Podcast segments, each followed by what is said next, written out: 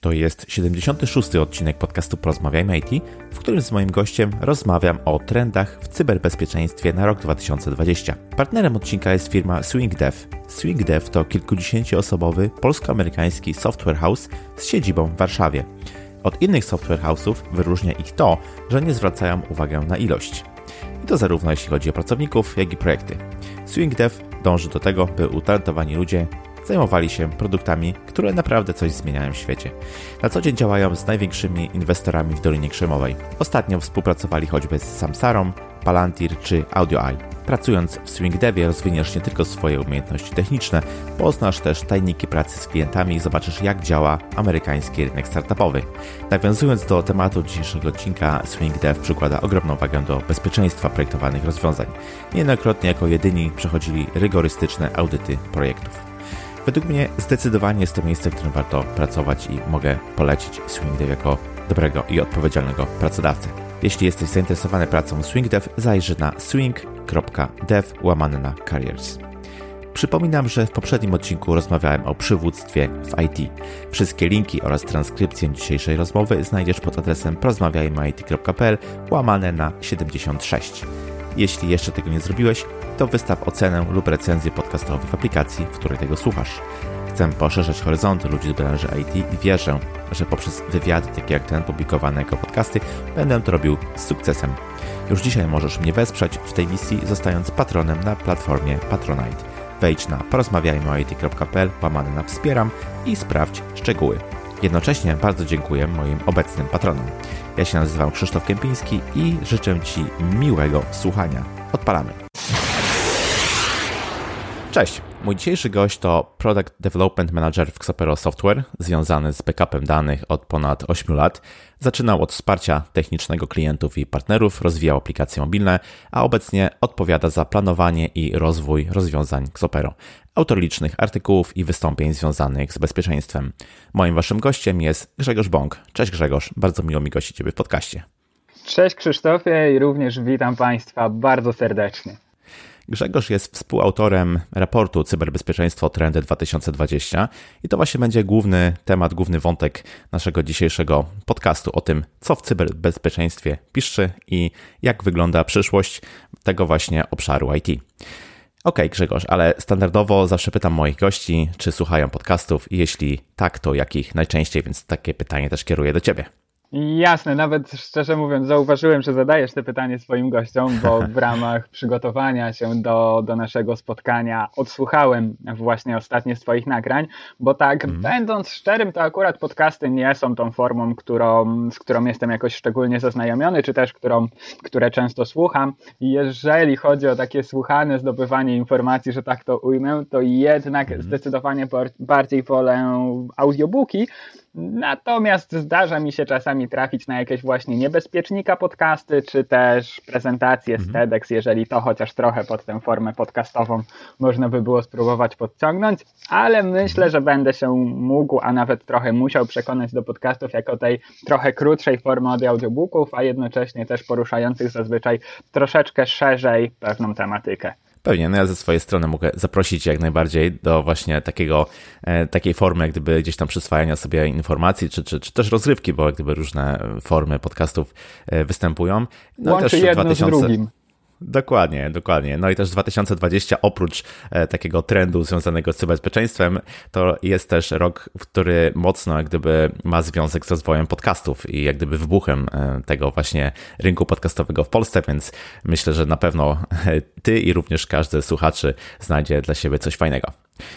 Dobrze, to przejdźmy może do tematu naszego dzisiejszego podcastu i zapytam ciebie, o raport, który miałeś okazję współtworzyć. Jako Xopero stworzyliście e, ale również przy współpracy wielu różnych znakomitych firm i e, podmiotów.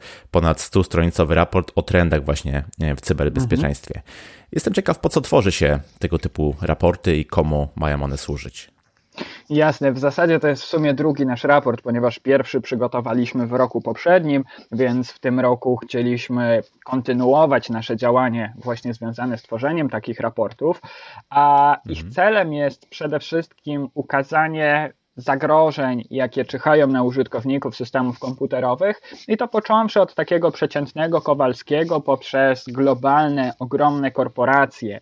W raporcie odnosimy się też do, do najnowszych technologii i właśnie zagrożeń związanych z tymi technologiami, ale mówimy też o tym, jak te nowe technologie mogą nam pomóc w podniesieniu bezpieczeństwa, czyli tutaj opowiadamy właśnie między innymi czy o blockchainie, czy o uczeniu maszynowym, od początku też istnienia naszej firmy, bo jakby jeżeli chodzi o te raporty, to to jest taka też troszeczkę naturalna droga dla nas, ponieważ od samego początku istnienia Zopro Software naszą misją też jest szerzenie świadomości na temat możliwych zagrożeń i sposobów obrony przed nimi. I właśnie w tym ten raport ma też pomóc. My jakby od samego początku mamy troszeczkę taką misję szerzenia świadomości wśród klientów, ponieważ kiedy wchodziliśmy na rynek, to świadomość, jeżeli chodzi o bezpieczeństwo danych, o, o istotę w ogóle danych, jaką użytkownicy posiadają i to, że w ogóle te dane mogą stracić, było prawie że na zerowym poziomie albo bliskim zera, tak więc też duża nasza zasługa w tym uważam, że, że przynajmniej ci użytkownicy, do których dotarliśmy, troszeczkę bardziej zostali uświadomieni. I w dużej mierze właśnie chcemy to kontynuować poprzez raporty, które wydajemy. No tak, ten raport jest bardzo kompleksowy, miałem okazję się już z nim zaznajomić. Co prawda powstał kilka miesięcy temu, w okresie pandemii koronawirusa, która gdzieś tam obecnie nas y, dotyka. Mamy okazję obserwować nasilenie właśnie działań hakerskich, od phishingu po ransomware i różnego y, typu działania, właśnie które mają za zadanie w jakiś sposób zaszkodzić szerokiemu gronu, powiedzmy, użytkowników internetu.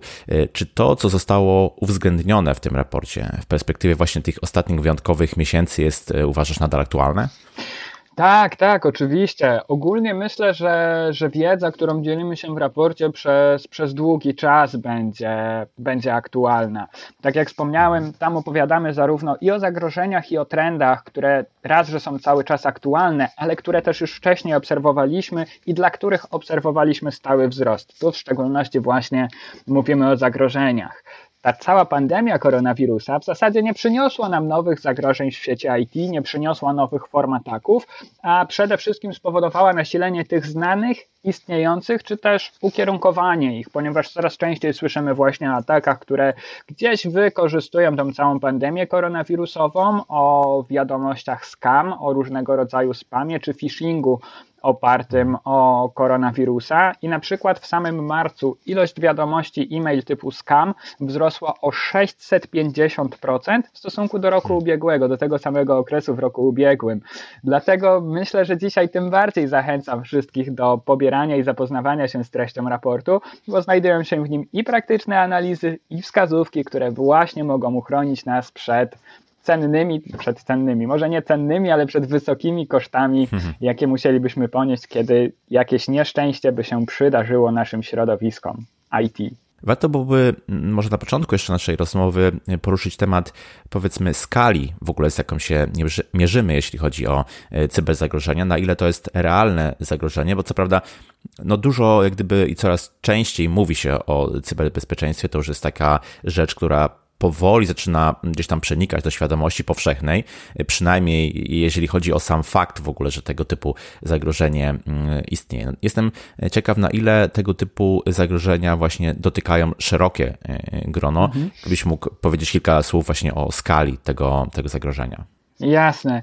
Wiesz, ogólnie, ogólnie mamy wszyscy chyba taką tendencję troszeczkę do, do bagatelizowania różnego rodzaju zagrożeń i niebezpieczeństw. Zresztą nawet tutaj w dobie pandemii troszeczkę możemy to zaobserwować na ogóle społeczeństwa, nie mówiąc tylko i wyłącznie o kwestiach IT. I jeżeli chodzi o cyberzagrożenia, tutaj musimy mieć świadomość, że one dotyczą praktycznie każdego, kto korzysta z komputerów, smartfonów, jakichkolwiek innych urządzeń podłączonych do sieci, a więc dlatego tak ważne jest, abyśmy byli świadomi tych zagrożeń i znali przynajmniej podstawy ochrony przed nimi. Bo przecież mhm. każdy z nas posiada jakieś dane, które są dla niego cenne, a których utrata mogłaby być bolesna. Mówimy tutaj o różnych dokumentach, mailach, ale mówimy też nawet o tych prywatnych zdjęciach czy filmach, które przechowujemy na swoich, swoich smartfonach, a których w zasadzie drugi raz tak samo nie wykonamy, bo przecież nie da się dwa razy zrobić takiego samego zdjęcia. Regularnie słyszymy też o, o większych czy mniejszych wyciekach bądź kradzieżach danych, utracie danych poprzez ich zaszyfrowanie, czy też awarie sprzętu, wyciekach i kradzieżach haseł, a co za tym idzie, uzyskaniem dostępów do różnych usług i serwisów przez przestępców, przez osoby, które nie powinny e, z nich korzystać, czy też często słyszymy o nielegalnych kopalkach kryptowalut i to też taki temat mhm. troszeczkę na czasie, bo całkiem niedawno odnaleziono takie koparki na superkomputerach, oczywiście mhm. Nielegalnie postawione. E, no tak. Lawinowo rośnie nam ilość infekcji złośliwym oprogramowaniem czy wycieków danych. W 2019 roku ilość danych, która została upubliczniona w wyniku naruszenia dostępu do tychże, wzrosła aż o 248% w stosunku do roku ubiegłego. Czyli to są właśnie te statystyki lawinowo rosnące, o których już zdążyłem wspomnieć. Jeżeli chodzi o, o, o, dzisiejsze czasy, powiedzmy, czyli o czasy pandemii, to w związku z tą całą pandemią, tak jak już zaznaczyłem, mamy ogromny wzrost liczby złośliwych wiadomości.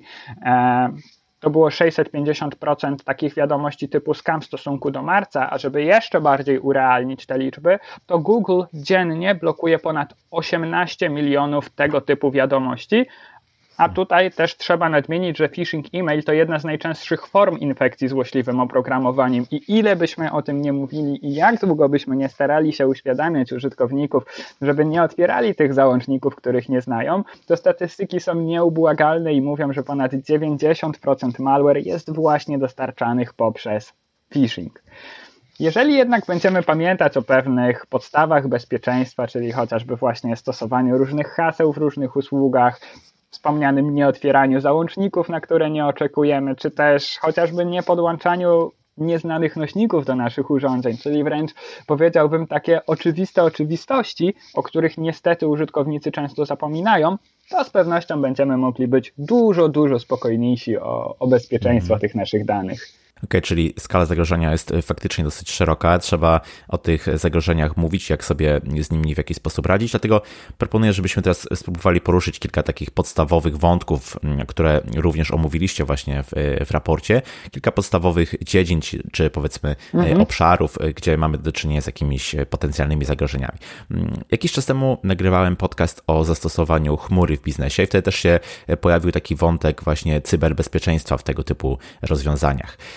Czy to prawda według Ciebie, że mając rozwiązania w chmurze, możemy się czuć bardziej bezpiecznie niż powiedzmy, gdybyśmy przechowywali to wszystko sobie na dysku lokalnego laptopa, czy, czy nawet na jakimś przenośnym dysku schowanym w szafie? Jasne, tak, myślę, że tak, ale pod jednym warunkiem, jeżeli my jako użytkownicy takich rozwiązań przestrzegamy podstawowych zasad bezpieczeństwa związanych właśnie z ich użytkowaniem, e, to na pewno chmura zagwarantuje nam najwyższy poziom bezpieczeństwa. Jeżeli chodzi o te, te podstawowe zasady bezpieczeństwa, to oczywiście mówimy tutaj chociażby o tym, żeby stosować bezpieczne hasła, żeby nie przekazywać ich osobom nieuprawnionym, żeby nie logować mhm. się na komputerach, no jakby, które, których nie znamy, które są tymi maszynami niezaufanymi.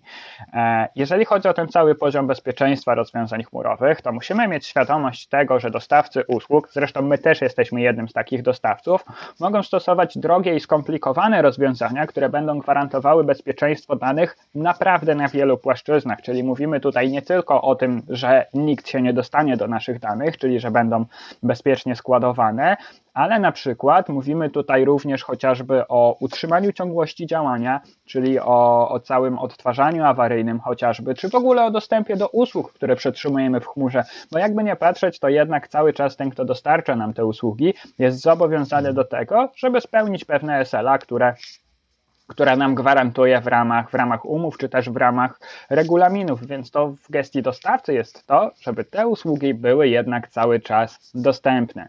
Tu oczywiście też jako dostawcy możemy gwarantować bardzo wysokie, a wręcz jeden z najwyższych poziomów bezpieczeństwa fizycznego dostępów do maszyn. E, ogólnie jeżeli chodzi o wszelkie powszechne zastosowania typu właśnie firewall, UTM, oczywiście tu mówimy o, o rozwiązaniach najwyższej klasy, i my, jako dostawcy usług chmurowych, możemy sobie na to pozwolić, ponieważ finalnie taki koszt tych rozwiązań jest dzielony pomiędzy klientów i gdzieś po części jest zawarty w licencji, ale to jest jednak duża skala, mamy dużą ilość tych klientów, więc koszt tego bezpieczeństwa się na nich rozkłada. W przypadku, gdybyśmy chcieli, gdybyśmy chcieli osiągnąć taki sam, czy też zbliżony poziom zabezpieczeń we własnej infrastrukturze, jaki gwarantuje nam chmura, w dużej mierze i w wielu wypadkach okazałoby się to po prostu ekonomicznie niezasadne. Natomiast mhm. oczywiście musimy mieć świadomość też tego, że chmura nie będzie zawsze idealnym rozwiązaniem dla każdego i niejednokrotnie jednak użytkownicy też będą się decydować na to, żeby pozostać z rozwiązaniami we własnej infrastrukturze. Często jest to podyktowane chociażby jakimiś własnymi wewnętrznymi politykami związanymi z bezpieczeństwem danych, z dostępem do tego typu danych, czy też zaufanie, zachowaniem ich, ich poniekąd poufności. W dużej mierze to jeszcze wynika troszeczkę też z takiego braku zaufania do rozwiązań chmurowych, aczkolwiek to też szczęśliwie się zmienia i widzimy rosnącą świadomość wśród użytkowników i rzeczywiście oni też zaczęli zauważać, że chmura jest bardzo bezpiecznym rozwiązaniem. Powiedziałeś, że to dostawcy właśnie usług są odpowiedzialni za to, żeby zapewnić bezpieczeństwo, zapewnić może bardziej nawet dostępność powiedzmy mhm. tych, e, tych usług. Natomiast właśnie chciałem poruszyć temat bezpieczeństwa. Czy to również oznacza, że są w pełni odpowiedzialni za zabezpieczenia cyfrowe tego typu rozwiązań, czy też może można tutaj mówić o jakiejś podzielonej odpowiedzialności mhm. pomiędzy dostawcami i podmiotami, które korzystają właśnie z tych usług? Zdecydowanie ta odpowiedzialność jest dzielona i ośmieliłbym się powiedzieć, że w takim samym stopniu użytkownik, jak i dostawca usługi jest odpowiedzialny za, za zabezpieczenia cyfrowe, ponieważ jeżeli my, jako użytkownicy takich rozwiązań, nie będziemy postępować zgodnie z przyjętymi standardami bezpieczeństwa, czy chociażby regulaminami tych usług, to ich dostawcy nie będą nam w stanie też zagwarantować takiego bezpieczeństwa. Czyli, no mówiąc wprost, już tu posłużyłem się chociażby przykładem tego, tego udostępniania hasła, czy tam przyklejania hasła sobie na monitorze. No, mhm. jeżeli ktoś w ten sposób pozna nasze hasło, to ciężko winić jednak jest dostawcę takich usług. Mhm. E, I tutaj dobrym przykładem mogą być orzeczenia sądów w sprawach kradzieży pieniędzy z kont bankowych, bo trzeba nadmienić mhm. oczywiście, że bankowość internetowa to są również usługi chmurowe, a często nawet nie jesteśmy świadomi, że i w ten sposób skorzystamy chmury. Więc w sytuacjach, gdy dochodzi do kradzieży pieniędzy z kont bankowych, właśnie z wykorzystaniem kanałów elektronicznych, no to orzeczenia sądowe mówią wprost, że jeżeli bank udowodni klientowi rażące niedbalstwo, to nie ponosi on, w sensie bank, żadnej odpowiedzialności. Więc tak naprawdę, no niestety te, te wszystkie rozprawy sądowe właśnie toczą się o to, że bank stara się klientowi udowodnić rażące niedbalstwo, no bo jakby nie patrzeć, nikt nie chce oddawać tych pieniędzy i tak. Jednak na kogoś tę odpowiedzialność trzeba, trzeba przerzucić.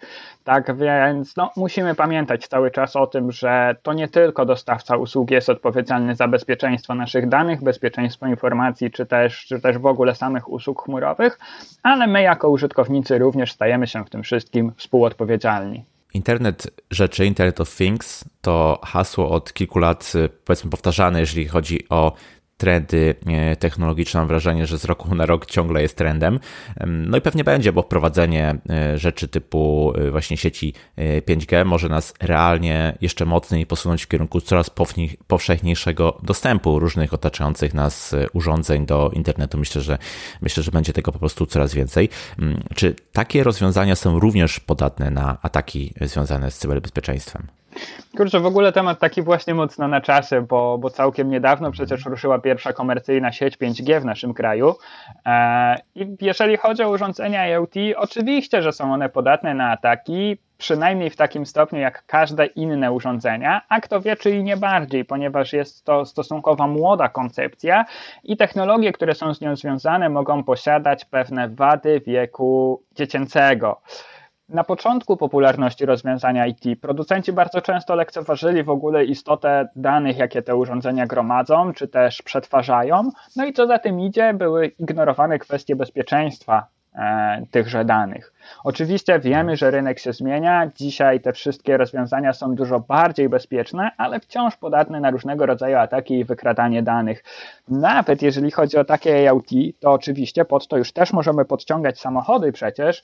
I nie dalej chyba jak dwa lata temu był robiony taki eksperyment przez hakerów, którzy udowadniali dziennikarzowi motoryzacyjnemu, w jakim stopniu są w stanie przejąć kontrolę nad samochodem. Zdalnie oczywiście, nad samochodem, którym on jedzie, i wcale to nie była Tesla. Tesla. Tak więc, więc jakby tutaj rzeczywiście jeszcze, oczywiście tam bardzo szybko producenci zareagowali i, i zazwyczaj obserwujemy to, że producenci rozwiązań IoT szybko reagują w momencie, kiedy zgłosi im się taką podatność.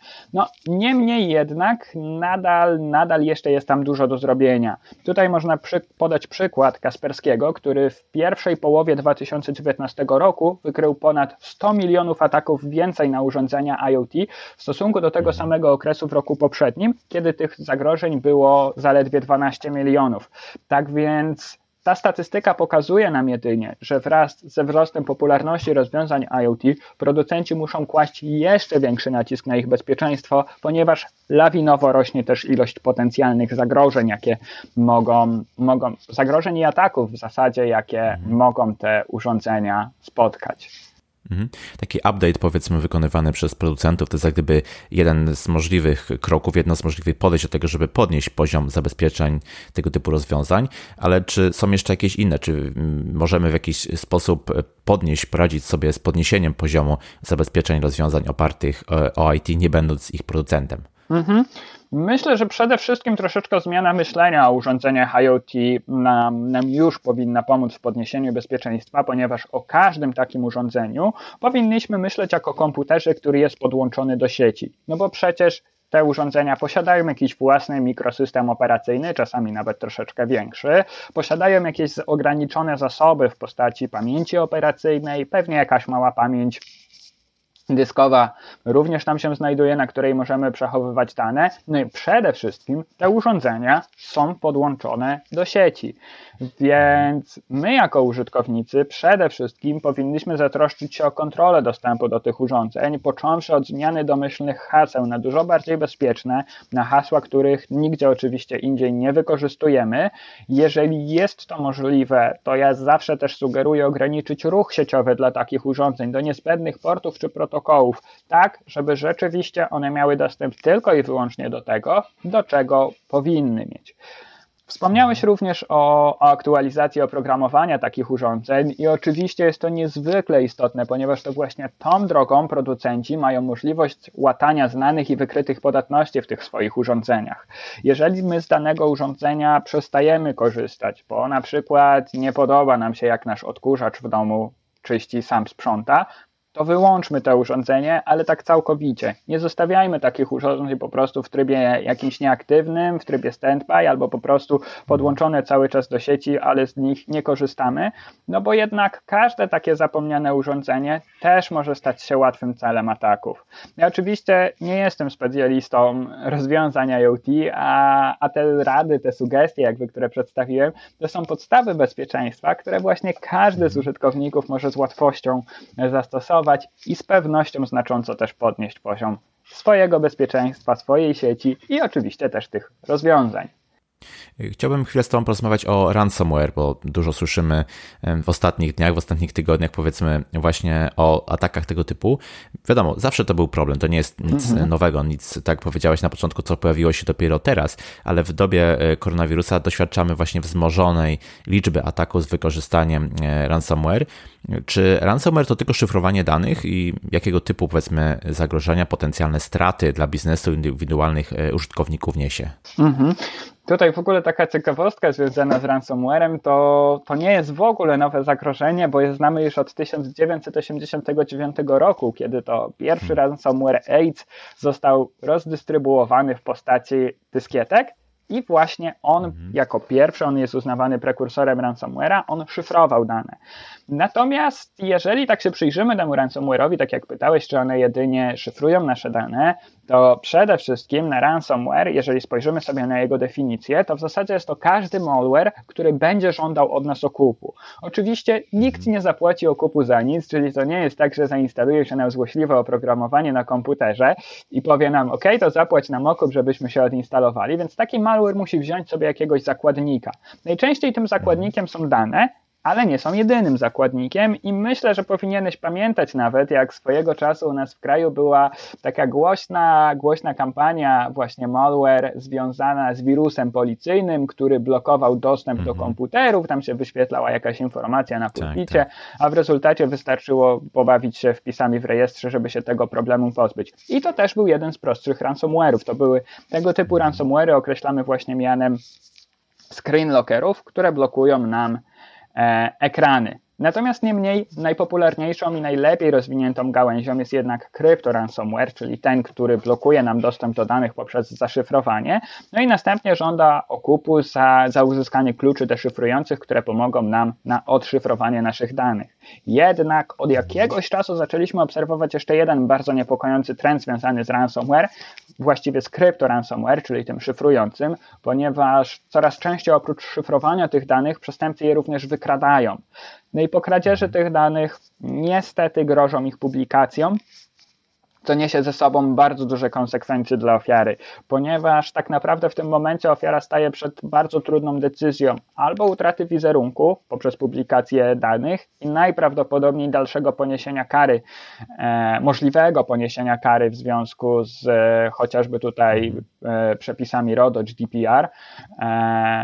Czy też z drugiej strony stoi przed, przed po prostu możliwością zapłaty często bardzo wysokiego okupu, ale jednak odzyskania chociażby dostępu do swoich danych. Ta sytuacja, jakby ten, ten konflikt to jest wręcz taki książkowy konflikt tragiczny, tym bardziej, mhm. że no nawet jeżeli zapłacimy, to my nie mamy żadnej pewności, iż po zapłaconym okupie dane nie zostaną upublicznione i oczywiście też za każdym razem, kiedy rozmawiamy, kiedy rozmawiam z kimś o ransomware, o kwestiach związanych z płaceniem okupu, tutaj muszę podkreślić, że oczywiście nie, nie polecam i, i nie pochwalam jakby tutaj płacenia takich okupów. Ja doskonale rozumiem jakby sytuację, w jakiej się można znaleźć, no, natomiast mimo wszystko nie powinniśmy finansować swoimi okupami tego typu działalności.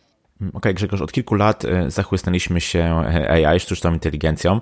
Mm, rozwiązania typu machine learning przenikają powiedzmy do wielu dziedzin e, życia i teraz gdzie się nie obejrzymy, to tak naprawdę w jakiś sposób mm, różne rozwiązania są właśnie wspierane chociażby machine learningiem. Czy można w ogóle mówić o ryzyku i podatności tego typu rozwiązań na cyberataki? I również chciałem Cię zapytać, czy w jakiś sposób wykorzystuje się sztuczną inteligencję do tego, żeby pomóc w podniesieniu poziomu właśnie właśnie takiego cyberbezpieczeństwa? Wiesz, ogólnie rzecz biorąc, tak naprawdę chyba wszystko, co, co jest związane z informatyką, ze światem cyfrowym, jest w mniejszym bądź większym stopniu podatne na zagrożenia i chyba nie jesteśmy w stanie dzisiaj znaleźć systemów, które by na takie zagrożenia nie były, czy też technologii. Tak więc oczywiście jak najbardziej różnego rodzaju zagrożenia dotyczą też AI, tym bardziej, że jest to też stosunkowo młoda technologia, która, jak sam zaznaczyłeś, też tam jest bardzo mocno związana z, z uczeniem maszynowym, czyli jest machine learning, mhm.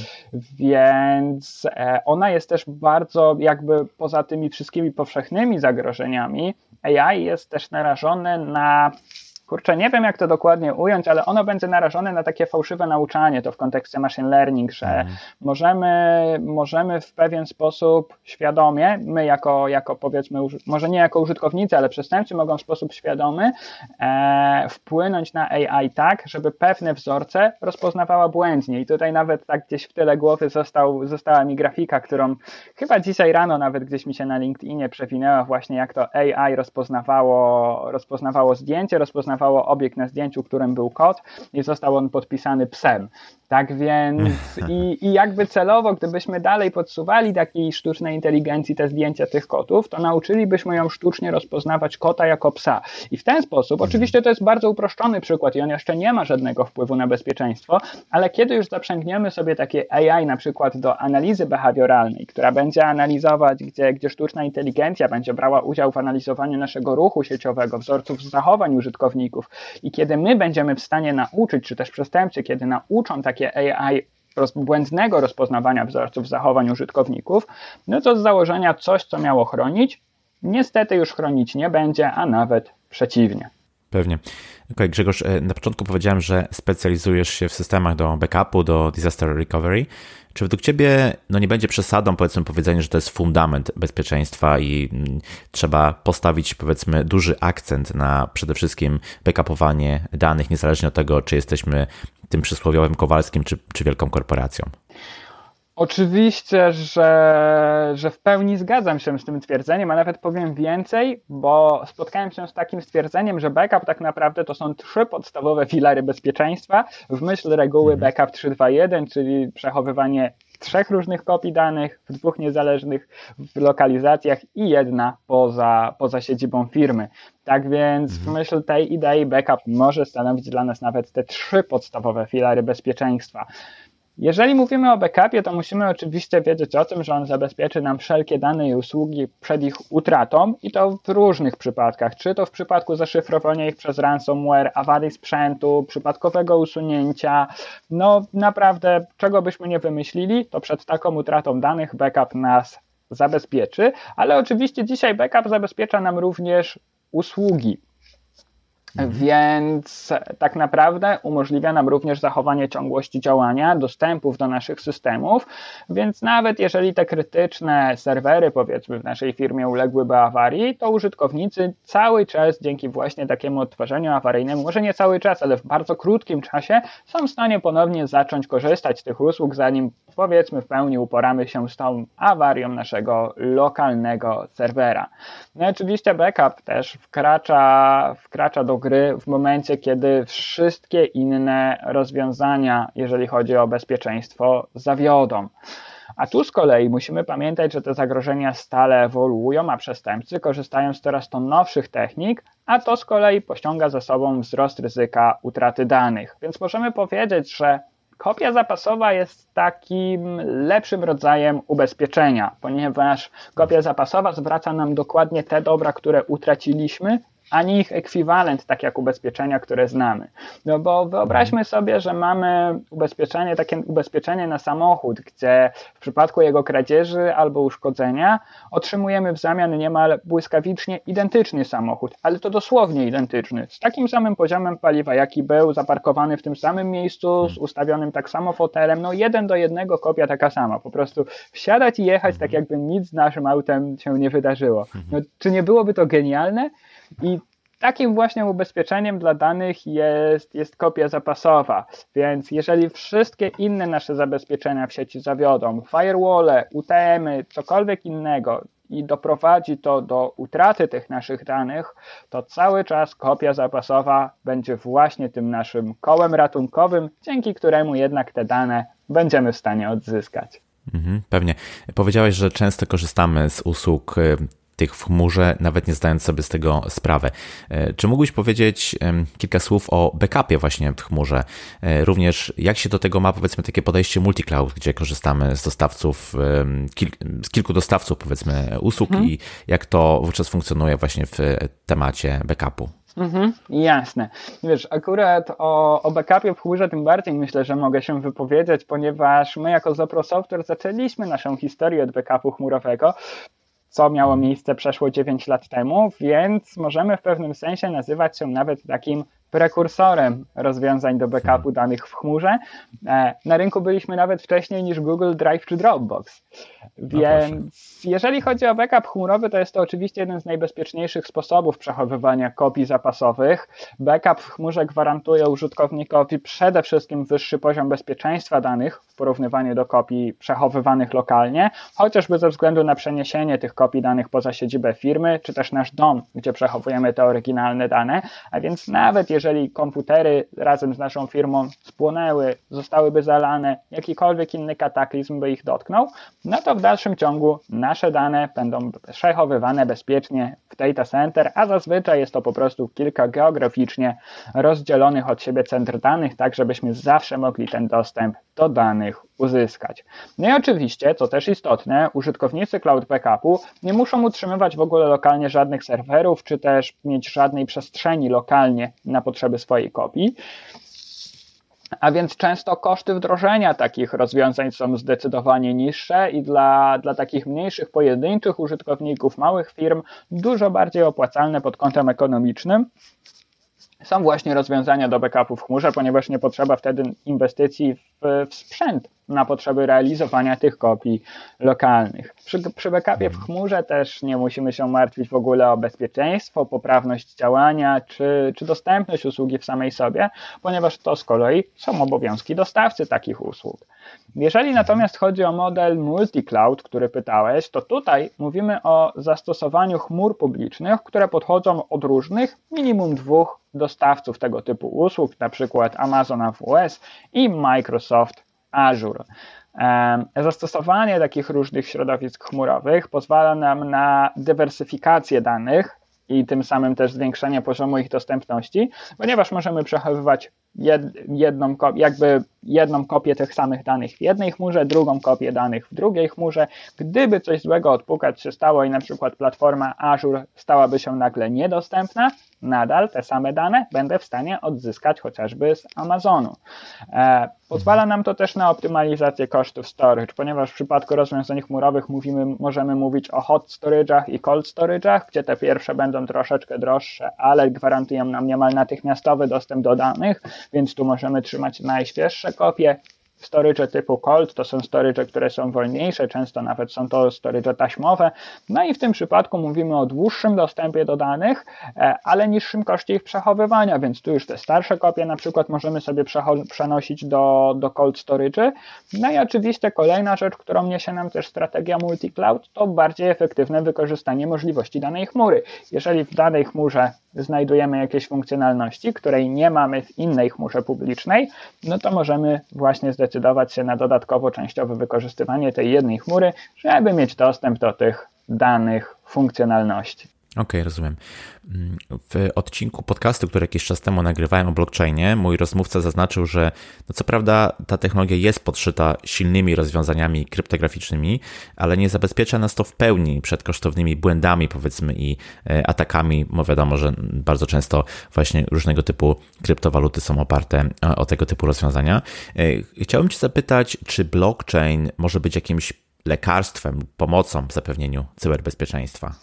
Tak, tak, na pewno. Coraz częściej blockchain spotykamy w ogóle, jakby już wprost rozwiązania, rozwiązania oparte o blockchain spotykamy wprost e, w produktach zapewniających nam bezpieczeństwo danych. Tutaj nawet jeden z producentów do, rozwiązań do backupu e, korzysta z blockchaina właśnie na potrzeby chociażby, jak dobrze pamiętam, generowania logów użytkowników, logów aplikacji, tak aby one były właśnie w mhm. pełni niezaprzeczalne, żeby nie było możliwości ich modyfikacji, żebyśmy zawsze i żeby one też były w pełni rozliczalne, czyli zawsze mamy stuprocentową pewność, że log, który powstał, już dalej nie zostanie zmieniony, no bo jakby nie patrzeć, mhm. są też przechowywane w rozproszonej infrastrukturze, w, rozpro, w sposób rozproszony są one wtedy przechowywane na, na nodach, które budują nasz blockchain, e, no i tak naprawdę modyfikacja wtedy takich logów jest wręcz niemożliwa.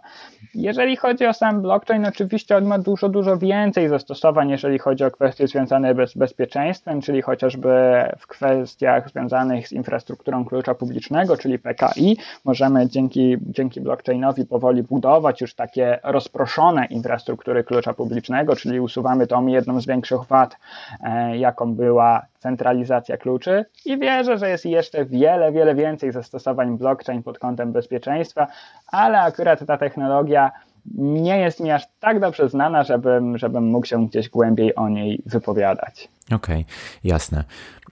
Coraz częściej mamy do czynienia z MFA, Multifactor Authentication. Myślę, że wielu z nas nie jest obce takie pojęcie jak 2FA w dostępie chociażby do systemów bankowych, dajmy na to, gdzie SMS-em chociażby potwierdzamy pewne operacje, e, na przykład w bankowości elektronicznej. E, czy myślisz, że to się stanie niedługo sta standardem i powiedzmy, na ile biometria ogólnie rozumiana e, przyspieszy w jakiś sposób rozwój tego typu właśnie rozwiązań? -hmm. Osobiście ja jestem zwolennikiem wieloskładkowego, wieloskładnikowego uwierzytelniania i sam staram się włączać je wszędzie tam, gdzie, gdzie jest to możliwe. Dlatego oczywiście sam chciałbym, aby stało się to standardem. Jeżeli chodzi o samą biometrię, to tutaj akurat wydaje mi się, że nie będzie ona miała aż tak dużego i istotnego wpływu na, popularyza na popularyzację MFA, co po prostu samo zwiększanie świadomości wśród użytkowników na temat istoty danych, jakie przetwarzane są usługach, do których się logują i jakie konsekwencje może nieść ze sobą nieautoryzowany dostęp do tychże. Ja cały czas niejednokrotnie wśród znajomych nawet zdarza mi się usłyszeć, że, że oni się nie martwią o to, że ktoś przejmie ich konto Facebooka, a mam też kilku znajomych, którzy już gdzieś przypadkiem komuś wysyłali pieniądze blikiem, bo ktoś czyjeś konto przejął. E, jeżeli chodzi o, o, właśnie to całe wieloskładnikowe uwierzytelnianie, tutaj przywołałeś przykład banków. No, jako, jako jakby posiadacze kont bankowych jesteśmy świadomi wartości, jaką mają pieniądze, a tym samym mamy świadomość wartości dostępu do naszych kont bankowych i tutaj w tym przypadku wieloskładnikowe uwierzytelnianie jest wręcz pożądane i, i rzeczywiście banki zrobiły tutaj naprawdę dobrą robotę, bo uczuliły użytkowników na pewne kwestie związane z bezpieczeństwem e, danych, logowaniem się, czy chociażby nawet czytaniem treści SMS-a, który dostają zanim potwierdzą operację, czy też zanim się zalogują. Innym takim dobrym przykładem, gdzie, gdzie jakby użytkownicy są świadomi tego, MFA, to są gracze gier MMO. Oni wiedzą, ile mhm. wysiłku ich kosztuje zdobycie cennych przedmiotów, rozbudowa postaci, więc w wielu systemach MMO znajdziemy też dodatkowe aplikacje bądź tokeny uwierzytelniające. Uważam, mhm. że ta powszechna biometria z kolei, z której na co dzień może korzystać przeciętny Kowalski, ona tak naprawdę nie gwarantuje nam wysokiego poziomu bezpieczeństwa. To bardziej jest kompromis pomiędzy wygodą użytkowania a bezpieczeństwem, a to może być nieco sprzeczne z powodami, dla których stosuje się takie wieloskładnikowe uwierzytelnianie. No bo nie oszukujmy się, dzisiaj my jako tacy zwykli, powiedzmy przeciętni użytkownicy, czy może nawet troszeczkę bardziej zaawansowani użytkownicy systemów komputerowych, z biometrii, z jakiej korzystamy, ogranicza się ona zazwyczaj do, do odcisku palca, do, do jakiejś identyfikacji identyfikacji twarzy, ewentualnie identyfikacje, identyfikacje głosowe. Ale te wszystkie technologie tak naprawdę jesteśmy w stanie bez większych problemów złamać. No jeżeli chodzi jakby, ja sam jestem świadom oczywiście tego, że, że to jest pewien kompromis, na który ja się osobiście decyduję i jedną z takich technologii dla wygody, z których zdecydowałem się korzystać, to jest oczywiście rozpoznawanie twarzy do odblokowania telefonu i ja nie będę liczył ile razy dziewczyna, jeżeli chce odblokować mój telefon, to po prostu odwraca go w moim kierunku, żeby telefon rozpoznał moją twarz i jest w stanie go już jakby odblokować, więc ta biometria akurat nie gwarantuje może gdzieś wyższego poziomu bezpieczeństwa i nie będzie się raczej za bardzo przyczyniać do, przynajmniej w moim, moim zdaniem, do, do wieloskładnikowego uwierzytelniania, ale na pewno rozwój różne, różnego rodzaju aplikacji, ponieważ powoli zaczynamy odchodzić a przynajmniej sugeruje się odchodzenie od wysyłania SMS-em kodów autoryzacyjnych, ponieważ, ponieważ było kilka przypadków, gdzie przestępcom udawało się po prostu wyrabiać duplikat karty SIM mhm. i, i następnie przejmować dostępy chociażby do, kod bank, do kont bankowych, e, ale właśnie coraz częściej raz, że zaczynamy stosować aplikacje, więc producenci poszczególnych rozwiązań generują oddzielne aplikacje, które są w stanie obsługiwać takie tokeny uwierzytelniania. To jest dobrą mhm. opcją. Od jakiegoś czasu Google daje nam możliwość zmiany naszych urządzeń w tokeny sprzętowe. No i oczywiście też bez wątpienia jedną z najlepszych osób, opcji, jeżeli chodzi o, o wieloskładnikowe uwierzytelnianie, no to są właśnie tokeny sprzętowe. Jasne. Okej, okay, dużo tutaj powiedziałeś o takim powiedzmy poziomie bezpieczeństwa, czy zagwarantowania bezpieczeństwa, które jest dedykowane gdzieś tam do tego Kowalskiego. Chciałem Cię zapytać o bardziej taki poziom e, korporacyjny czy firmowy, bo od pewnego czasu słyszy się o bezpieczeństwie jako o usłudze, czyli właśnie security as a service. E, czy mógłbyś powiedzieć, na czym ta usługa w ogóle polega, do kogo jest realizowana i w jaki sposób? Kurczę, ta tematyka jest taka związana troszeczkę bliżej, powiedziałbym, z tematami hmm, ogólnosprzedażowymi, ogólnohandlowymi, ogólnobiznesowymi, więc ja troszeczkę dalej od niej mhm. siedzę, ale na mój stan wiedzy w przypadku, w przypadku właśnie tych całej, powiedzmy, o usługach SECAS, czyli Security as a Service, no to mówimy o tym, że dostarczamy rozwiązania z zakresu bezpieczeństwa e, do firm w postaci usług. I oczywiście to, to niesie ze sobą bardzo dużo zalet, bo jeżeli my jako firma decydujemy się na, na jakby zakupy, czy też na współpracę, czy korzystanie z usług modelu SECAS, to bardzo często otrzymujemy tak naprawdę kompleksowe usługi, czyli w ramach, w ramach tej jednej faktury, powiedzmy, e, my otrzymujemy tak naprawdę kompleksowe zabezpieczenie, które jest dla nas niezbędne. Mamy pewność, że, że jakby mechanizmy zabezpieczeń, które zostały wybrane, nie kolidują ze sobą w żaden sposób, że są one naprawdę dobrze dobrane. Często pochodzą zazwyczaj od jednego producenta albo niedużej liczby producentów, więc pracujemy w miarę, w miarę zbliżonym stosie technologicznym. No i bez wątpienia też wpływa to na kwestie kosztów, jakie ponosimy w związku z bezpieczeństwem. Oczywiście pozytywnie okay, wpływa. No jasne, rozumiem. Ok, to spróbujmy teraz trochę bardziej wybiec gdzieś tam w przyszłość. E, słyszy się o tym, że Google i IBM przerzucają się osiągnięciami swoich e, komputerów kwantowych E, rozpala nas powiedzmy ta moc obliczeniowa, która gdzieś tam siedzi w środku i nowe e, podejście do rozwiązywania problemów dzięki właśnie zastosowaniu tego typu komputerów. E, ciągle wiadomo, jest to jeszcze droga mm, zabawka, ale zaczyna znajdować swoje realne nisze i zastosowania. Co jakiś czas właśnie podnoszona jest kwestia kryptografii, czy, czy no, chociażby popularnego łamania haseł dzięki takim maszynom. Na ile, mm, jak gdyby w Twojej opinii, jest to realne zagrożenie na dzień dzisiejszy i czy wpłynie to na to, jakie zabezpieczenia, cyberzabezpieczenia będziemy stosować w przyszłości?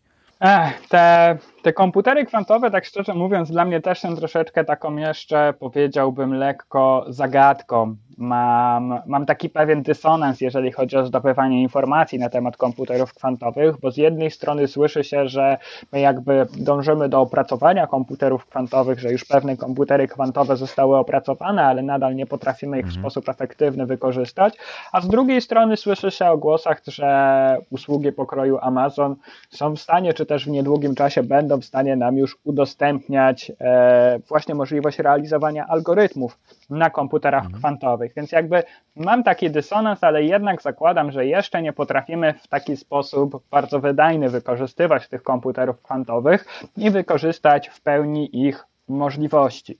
Natomiast to, co musimy wiedzieć pod kątem bezpieczeństwa i komputerów kwantowych, to przede wszystkim to, że te wszystkie powszechnie stosowane algorytmy kryptograficzne, one w większości opierają się na problemach matematycznych, czyli po prostu na pewnych skomplikowanych, złożonych działaniach matematycznych. A siła takiego algorytmu, czyli to, jak bardzo jest on bezpieczny, w dużej mierze właśnie zależy od złożoności, od złożoności tego problemu. No i teraz w przypadku niektórych algorytmów szyfrowania znane są również metody ich łamania, ale dopiero, ale przy zastosowaniu komputerów, jakimi my obecnie dysponujemy, ich zastosowanie w praktyce staje się niemożliwe. A przez zastosowanie w praktyce oczywiście rozumiem odszyfrowanie danych w skończonym i realnym czasie. Mhm. Przykładowo dla tej chyba jednego z najpopularniejszych algorytmów symetrycznych, czyli dla ASA, my już od dawna znamy algorytm, który dałby nam możliwość jakby odszyfrowania, znaczy zdobycia jakby kluczy, czy też odszyfrowania danych, no ale jeszcze nie potrafimy na tyle skutecznie wykorzystywać komputerów kwantowych, żebyśmy mogli, mogli te, te klucze łamać. Jednak w chwili, gdy będziemy w stanie wykorzystać w pełni możliwości komputerów kwantowych, to tak naprawdę obecnie znana nam kryptografia na pewno straci na swojej użyteczności, gdyż one będą w stanie rozwiązywać te wcześniej wspomniane problemy matematyczne w nieporównywalnie krótszym czasie a tym samym w nieporównywalnie krótszym czasie będą w stanie łamać wszelkie klucze, klucze szyfrujące, a przynajmniej część tej kryptografii, którą my dzisiaj znamy. No i bez wątpienia wpłynie to na cały obszar cyberbezpieczeństwa, ale też musimy pamiętać o tym, że komputery kwantowe przynajmniej na początku nie będą tak powszechnie dostępne jak dzisiaj chociażby komputery klasy PC czy, czy laptopy. Tak więc myślę, że jeszcze trochę drogi przed nami, ale z pewnością doczekamy tego momentu, gdzie będziemy musieli przewartościować pewne kwestie związane z kryptografią i nauczyć się stosować nowych algorytmów odpornych właśnie na komputery kwantowe. A to jest już taka odrębna dziedzina, jeżeli chodzi o kwestie związane z szyfrowaniem, bardzo, bardzo obszerna, a zarazem bardzo ciekawa też. Hmm. No właśnie, ciekawe czasy przed nami. E, w którym kierunku według Ciebie będzie zmierzała ta branża zapewniająca cyberbezpieczeństwo? Czy no nie, będziemy mieli do czynienia z takimi wąskimi e, specjalizacjami, czy, czy też e, może według Ciebie no, będzie to jednak takie kompleksowe podejście do zabezpieczenia cyberbezpieczeństwa, które będzie przeważało? I dodam do tego jeszcze pytanie, czy według Ciebie ta ścieżka rozwoju kariery właśnie w tym kierunku to jest ścieżka, na którą warto postawić? Wiesz co, musielibyśmy na to spojrzeć troszeczkę z dwóch, z dwóch aspektów, bo jeżeli chodzi o, o to, w którym kierunku podąża branża, to tak naprawdę producenci rozwiązań z zakresu bezpieczeństwa będą dążyć do dostarczania klientom kompleksowych rozwiązań, które będą w stanie jednorazowo mhm. pokryć wiele obszarów bezpieczeństwa. I to jest trend, który w zasadzie już od jakiegoś czasu możemy obserwować. Natomiast z drugiej strony, kiedy tu zapytałeś o ścieżkę rozwoju kariery, musimy wiedzieć, że stworzenie takiego rozwiązania, a następnie dostarczenie go na rynek, sprzedaż, wdrażanie, wymaga jednak doświadczonych specjalistów o ugruntowanej wiedzy w danym temacie. Zatem. Mhm będzie na pewno jakby, jest to bardzo perspektywiczna ścieżka rozwoju kariery, jeżeli chodzi o kwestie związane z cyberbezpieczeństwem, tym bardziej, że tych specjalistów na rynku będzie potrzeba coraz więcej. I, i tutaj nie musimy się daleko rozglądać, przecież od niedawna budujemy chociażby nawet w naszym kraju wojska obrony cyberprzestrzeni, tak więc widać, że jest mhm. trend, który idzie w tym kierunku, lawinowo rośnie liczba zagrożeń, a użytkownicy coraz bardziej stają się świadomi tych wszelkich zagrożeń, tak więc specjaliści z zakresów cyberbezpieczeństwa na pewno będą potrzebni. Zresztą, co widać nawet po, po tematach, które przewinęły się w naszej dzisiejszej rozmowie, wiele aspektów cyberbezpieczeństwa też się wzajemnie przeplata, tak więc poza tym posiadaniem takiej ugruntowanej wiedzy w danym temacie, warto mieć chociażby przynajmniej takie podstawowe rozeznanie na, na temat wszystkich innych tematów, takich powiedzmy dookoła. Świetnie. Grzegorz, Ci bardzo dziękuję za ciekawą rozmowę, za omówienie tych najważniejszych trendów y, w cyberbezpieczeństwie. I na koniec y, zapytam Cię jeszcze, gdzie Cię można znaleźć y, w internecie, gdyby ktoś chciał się z Tobą skomunikować. Jasne, oczywiście. No chyba najprościej w internecie będzie mnie znaleźć po prostu za pośrednictwem profilu LinkedIn. Wystarczy, że znajdą Państwo Grzegorza Bąk zatrudnionego w firmie Zopro Software, co nie powinno być jakimś problemem. E, w razie czego mhm. oczywiście chociażby tutaj za pośrednictwem naszej, naszej firmowej strony internetowej również Państwo powinni bez problemu do mnie dotrzeć. Świetnie, oczywiście wszystkie linki, profil na LinkedInie, strona firmowa oraz link do pobrania raportu Cyberbezpieczeństwo 2020, trendy 2020, to wszystko znajdzie się w notatce do e, tego podcastu. Jeszcze raz e, bardzo Ci Grzegorz e, dziękuję, no i do usłyszenia. Cześć. I ja również serdecznie dziękuję zarówno Tobie za, za przeprowadzenie i zorganizowanie w ogóle tego spotkania, jak i wszystkim tym, którzy, którzy dotrwali z nami do końca. Jeszcze raz dzięki wielkie, do usłyszenia. Cześć. Cześć. I to tyle z tego, co przygotowałem dla Ciebie na dzisiaj. Cyberbezpieczeństwo to ostatnio gorący temat. Mam nadzieję, że teraz już wiesz, jakie są trendy w tej ważnej dziedzinie. Jeśli doceniasz to, co robię, wesprzyj mnie na Patronite. To taka platforma, w której możesz wspierać twórców internetowych w ich działalności. Mnie możesz wesprzeć kwotą już od 5 zł miesięcznie. Mój profil znajdziesz pod adresem porozmawiajmy.it.pl łamane na wspieram. Link również w notatce do tego odcinka. Jeśli masz jakieś pytania, pisz śmiało na krzysztofmałpa.porozmawiajmy.it.pl Jeśli spodobał Ci się ten odcinek i nie chcesz przegapić kolejnych epizodów podcastu, zasubskrybuj go w swojej aplikacji podcastowej. Jeśli nie wiesz jak to zrobić, wejdź na stronę porozmawiajmy.it.pl łamane na subskrybuj. Ja się nazywam Krzysztof Kępiński, a to był odcinek podcastu Porozmawiajmy IT o trendach w cyberbezpieczeństwie na rok 2020. Zapraszam do kolejnego odcinka już za tydzień. Cześć!